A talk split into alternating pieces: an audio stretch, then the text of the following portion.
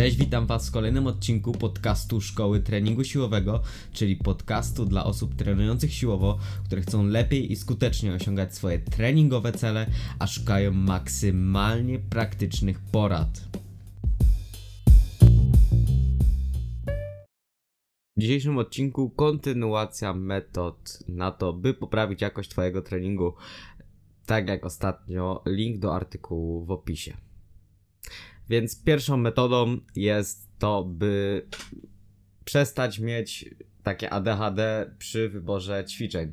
Można to często zauważyć, że osoby zazwyczaj wybierają na przykład 13 ćwiczeń na jedną jednostkę treningową, robią każdego ćwiczenia po 2-3 serie i generalnie ich trening wygląda na tym, że przekładają sprzęt z miejsca na miejsce, ustawiają się, rozgrzewają i przebierają y, buty ciężarowe na zmianę na boso, żeby tylko wykonywać jakieś inne specyficzne ćwiczenia.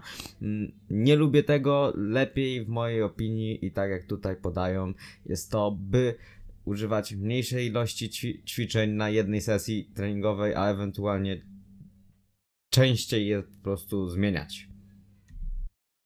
Kolejna metoda to to, by używać mniejszej ilości wariacji danych ćwiczeń popularne było to, żeby szokować swój organizm, żeby on cały czas zgadywał, żeby nie był przygotowany na to, e, co go czeka, e, żeby do końca trzymać go w niepewności. Jest to dosyć, e, może to brzmi nieco specyficznie, ale rzeczywiście tak było. Jeśli pogada się gdzieś tam ze starszymi osobami, które chodzą na siłownię, gdzieś tam 30-40 lat mają, już kiedyś chodziły, wracają i no on nie ma stricte planu treningowego, bo on na każdym treningu robi coś innego. A tutaj chodzi o to, żeby po prostu nie, nie zmieniać, o ile możemy pewne ćwiczenia zmieniać. Z tygodnia na tydzień, bo jest na to miejsce e, w planie treningowym, tak gdzieś tam między te 3 a 4 tygodnie e, fajnie jest dopiero dokonywać jakichś zmian, ponieważ jeden tydzień nie jest wystarczająco długim okresem, jeden mikrocykl, e, żeby zaraz zmienić jakieś tutaj, żeby po prostu zmieniać te te, te wariacje tych ćwiczeń, a lepiej jest to zmieniać na przykład raz na mezocykl, czy raz na miesiąc, e, żeby to zwyczajnie współgrało ze sobą, a nie co chwilę gdzieś tam w tym treningu mieszać.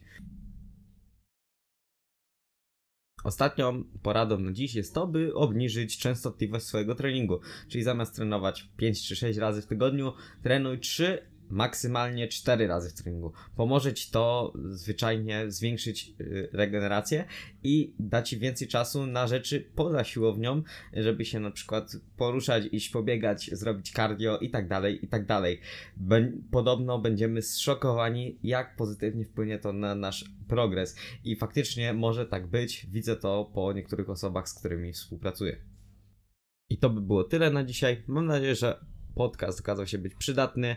Zapraszam do naszej grupy na Facebooku oraz do udostępnienia materiału. Naprawdę pomoże nam mi to bardzo.